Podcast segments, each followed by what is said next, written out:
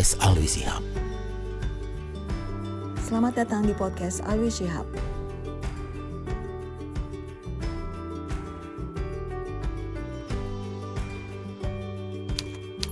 Bismillahirrahmanirrahim.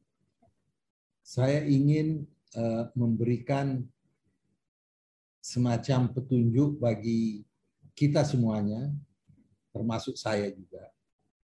Bagaimana kita bisa menciptakan hubungan yang harmonis dengan semua pihak, bukan saja uh, pihak-pihak Muslim yang berbeda, mazhabnya berbeda, alirannya berbeda, pandangannya dengan kita, tapi juga hubungan kita dengan uh, umat agama lain, khususnya Yahudi, Kristen, dan lain-lain yang ada di Indonesia ini. Saya beranggapan bahwa resep untuk kita menciptakan hubungan yang harmonis ini ada tiga. Yang pertama, kita harus dengan lapang dada menerima perbedaan. Jadi jangan ada kesan bahwa kita tidak mau menerima perbedaan dan hanya mengatakan pokoknya saya benar.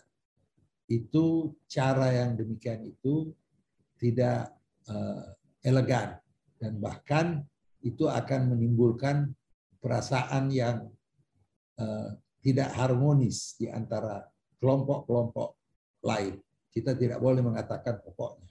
Kita sebaik-baiknya mengatakan bahwa kita menerima perbedaan, kita tahu Anda percaya penuh dengan apa yang Anda eh, yakini, tetapi kami juga percaya penuh dengan apa yang kami yakini, maka marilah kita sama-sama eh, menyerahkan hak otoritatif ini atau prerogatif ini kepada eh, yang maha kuasa. Kita kedua-dua kita adalah hambanya. Kedua-dua kita mengabdi kepadanya beribadah pada itu satu. Jadi artinya kita siap untuk menerima perbedaan. Yang kedua, jangan menitik beratkan pandangan ulama. Maksud saya, ulama penting untuk mengajarkan kita kepada apa yang kita ingin ketahui di dalam agama kita. Tetapi jangan dijadikan pandangan ulama itu sebagai pandangan yang sakral. Jadi pendeknya saya pokoknya saya terima karena tokoh saya, ulama saya bilang begitu. Nah, itu harus dihindari. Kita bisa mengatakan bahwa saya belajar dari si A, ulama A, ulama ini mengatakan demikian, tapi saya juga tidak menafikan pandangan ulama yang lain.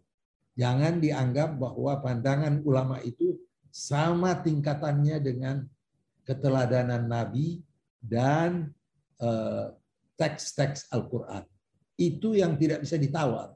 Tapi kalau pandangan ulama itu bisa ditawar. Dan yang ketiga, hindari fanatisme. Ini juga berkaitan dengan pertama dan kedua. Fanatisme itu artinya tidak mau membuka ruang untuk menerima pandangan orang lain. Kita fanatik, inilah yang paling benar. Ini yang membawa saya kepada keselamatan dunia dan akhirat. Jangan fanatik. Kita boleh fanatik, tetapi di dalam diri kita bahwa apa yang kami percaya dari Al-Quran dan Nabi itu adalah hal yang saya tidak bisa tawar. Tapi hal itu hanya kita sampaikan kepada eh, murid-murid kita, tapi pada saat yang sama kita memberi ruang untuk pihak lain untuk mengatakan hal yang sama terhadap ajarannya. Jangan sampai kalau kita berdebat, akhirnya akan menciptakan suasana yang tidak elegan dan tidak menyenangkan. Al-Quran mengajarkan kita kalau kita berdebat atau kita berdialog khususnya dengan ahlul kitab maka uh, jadilu billatihi ahsan. Berdebat, berargumentasi dengan cara yang paling baik. Jangan sampai kita mencederai orang lain karena fanatisme kita. Saya kira itu yang uh, mungkin dapat saya sampaikan. Semoga bermanfaat. Wassalamualaikum warahmatullahi wabarakatuh.